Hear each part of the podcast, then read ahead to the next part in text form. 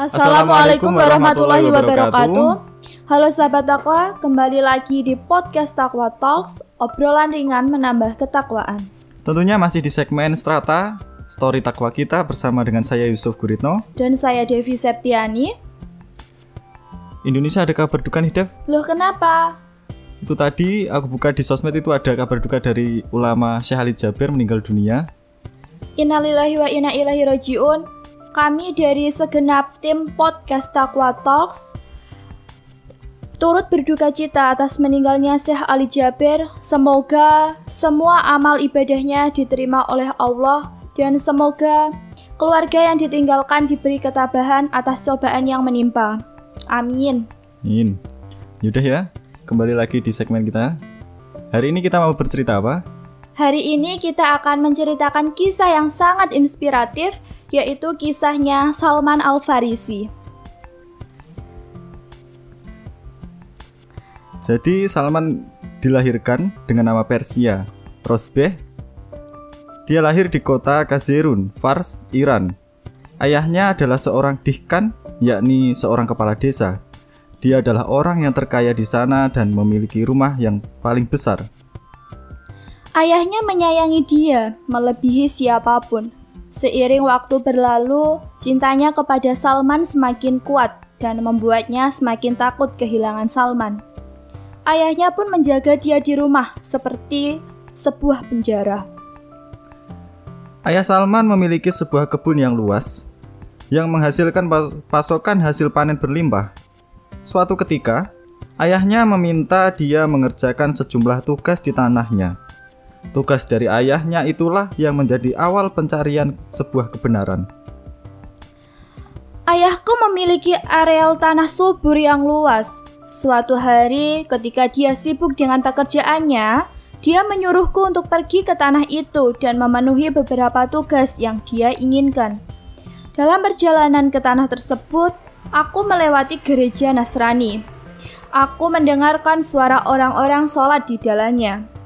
Aku tidak mengetahui bagaimana orang-orang di luar hidup, karena ayahku membatasiku di dalam rumahnya.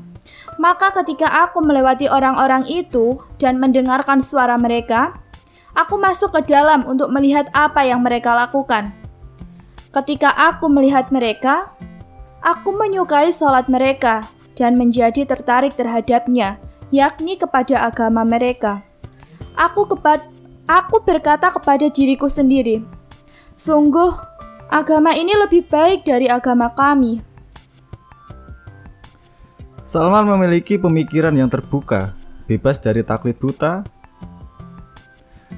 saya tidak meninggalkan mereka sampai matahari terbenam. Aku tidak akan pergi ke tanah ayahku. Dan ketika pulang, ayahnya bertanya. Salman pun menceritakan bertemu dengan orang-orang Nasrani dan mengaku tertarik. Ayahnya terkejut dan berkata, "Anakku, tidak ada kebaikan dalam agama itu. Agama itu dan agama nenek moyangmu lah yang lebih baik. Tidak, agama itu lebih baik dari milik kita, kata Salman. Ayah Salman pun bersedih dan takut Salman akan meninggalkan agamanya. Jadi dia mengunci Salman di rumah dan merantai kakinya.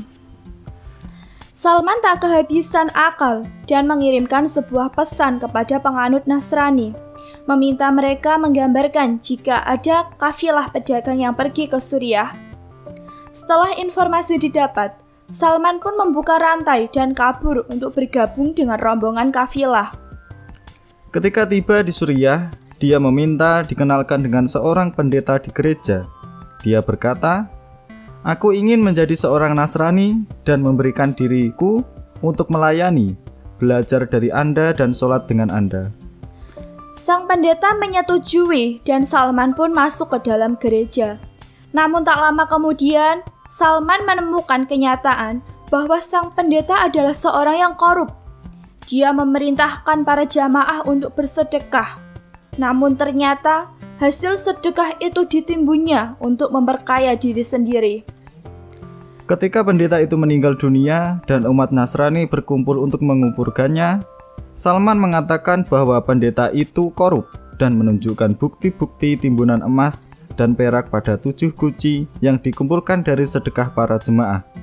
Setelah pendeta itu wafat, Salman pun pergi untuk mencari orang soleh lainnya di Mosul, Nisibis, dan tempat lainnya. Pendeta yang terakhir berkata kepadanya bahwa telah datang seorang nabi di tanah Arab yang memiliki kejujuran yang tidak memakan sedekah untuk dirinya sendiri. Salman pun pergi ke Arab mengikuti para pedagang dari Bani Qalb dengan memberikan uang yang dimilikinya. Para pedagang itu setuju untuk membawa Salman. Namun, ketika mereka tiba di Wadi Al-Huwar, yaitu tempat antara Suriah dan Madinah, para pedagang itu mengingkari janji dan menjadikan Salman sebagai seorang budak, lalu menjual dia kepada seorang Yahudi. Singkat cerita, akhirnya Salman dapat sampai ke Yastrib, yakni Madinah, dan bertemu dengan rombongan yang baru hijrah dari Mekah. Salman dibebaskan dengan uang tebusan yang dikumpulkan oleh Rasulullah Shallallahu Alaihi Wasallam dan selanjutnya mendapat bimbingan langsung dari beliau. Betapa gembira hatinya, kenyataan yang diterimanya jauh melebihi apa yang dicita-citakannya. Dari sekedar yang ingin bertemu dan berguru menjadi anugerah pengakuan sebagai muslimin di tengah-tengah kaum muhajirin dan kaum ansor yang disatukan sebagai saudara. Kisah kepahlawanan Salman yang terkenal adalah karena idenya membuat parit dalam upaya melindungi kota Madinah dalam perang Khandaq. Ketika itu Madinah akan diserang pasukan Quraisy yang mendapat dukungan dari suku-suku Arab lainnya yang berjumlah 10.000 personil. Pimpinan pasukan itu adalah Abu Sofyan. Ancaman juga datang dari dalam Madinah, di mana penganut Yahudi dari Bani Quraisy dan mengacau dari dalam kota. Rasulullah Shallallahu Alaihi Wasallam pun meminta masukan dari sahabat-sahabatnya bagaimana strategi menghadapi mereka. Setelah bermusyawarah, akhirnya saran Salman Al Farisi atau yang biasa dipanggil Abu Abdillah inilah yang diterima oleh Rasulullah Shallallahu Alaihi Wasallam. Strategi Salman memang belum pernah dikenal oleh bangsa Arab pada waktu itu. Namun, atas ketajaman pertimbangan Rasulullah Shallallahu Alaihi Wasallam, Saran tersebut pun diterima. Atas saran Salman itulah perang dengan jumlah pasukan yang tak seimbang dimenangkan oleh kaum muslimin. Setelah meninggalnya Nabi Muhammad, Salman dikirim untuk menjadi gubernur di daerah kelahirannya hingga dia wafat. Kayaknya kamu ada yang salah Dev pengucapan dari kisah tadi. Oh iya, yang bagian mana ya?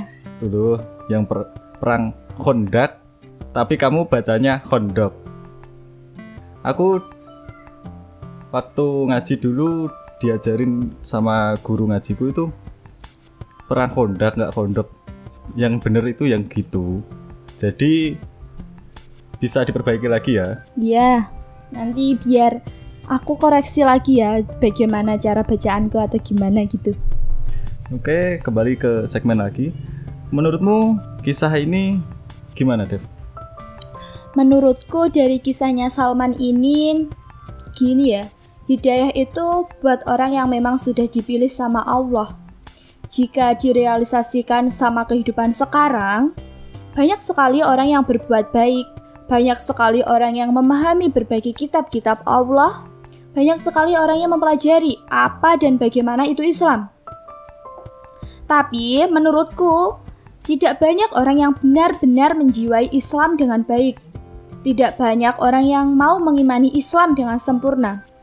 Jadi menurutku, intinya dari cerita ini, kisah Salman ini mengajarkan kepada kita jika hidayah itu selain dari hati dan niat, juga merupakan anugerah yang telah Allah kasih ke kita. Jadi banyak-banyak beruntunglah kita yang sudah terakhir sebagai seorang muslim. Gitu sih kalau menurutku Sof. Ya, kalau menurutmu gimana? Nah, ini sudah betul. Jadi hidayah itu selain diusahakan, tapi hakikatnya adalah kekuasaan dan hak prerogatif dari Allah Subhanahu wa taala ya. Saya tambahin lagi, dan kita sebagai manusia diberi kesempatan oleh Allah untuk ikhtiar, berusaha, maka kita bisa meneladani sosok Salman ini. Kecintaannya pada kebenaran membuat ia rela berjuang dan berkorban banyak hal sampai akhirnya bertemu dengan kebenaran yang sejati. Bahasa lainnya, sekalipun hidayah adalah milik Allah, tapi kita tidak boleh berpangku tangan. Kalau Salman tak punya tekad, Allah juga tak akan memberinya hidayah. Hidayah Allah diberikan kepada siapa yang Allah pandang layak untuk diberi, maka buktikan kalau kita layak untuk mendapatkannya. Satu hal lagi nih Sof, dari cerita ini yang bikin aku tertarik dan suka banget sama cerita ini itu karena Salman itu kan seorang budak ya, tapi pendapatnya itu sangat diperhitungkan sama Nabi sehingga dalam perang parit tersebut kita ya dalam perang itu kita umat Islam dapat memenangkannya. Ya menurutku dari ini kita intinya itu nggak boleh ngeremehin seseorang dari golongan, nggak boleh merendah-rendahkan seseorang dari di asalnya, di mana dia asalnya. Jadi nggak boleh pandang sebelah mata ya? Iya, nggak boleh pandang sebelah mata. Aku sangat inspirasi banget sih sama Salman ini. Menurutku dia itu sosok yang pintar, cerdas. Dia itu sangat pemberani dia berani mengambil keputusannya sendiri untuk memilih jalan yang benar. Jadi menurutku alangkah lebih baiknya jika kita mengidol mengidolakan Salman Al Farisi saja ya. Jadi jika kebanyakan orang laki-laki ya ingin menjadi seperti Dilan, berarti ini harus kita ganti sebagai seorang yeah. Salman Al Farisi ya. Oke, remaja 2021 Satu. ini jangan jangan bahasanya Dilan mulu Kita harus suka dong sama Salman gitu loh. Salman itu keren loh, hebat. Ibaratnya Dilannya zamannya Nabi gitu ya? Iya. Oke, mungkin segmen ini sampai Cukup. di sini saja ya. Iya, karena kita juga sudah menyampaikan berbagai apa ya? pesan-pesannya yang mungkin akan menarik bagi kalian para pendengar. Untuk sahabat podcast, nantikan kami di setiap hari Kamis dan Ahad. Tentunya masih di podcast Takwa Talks, obrolan ringan menambah, menambah ketakwaan. See you there. there. Wassalamualaikum warahmatullahi wabarakatuh.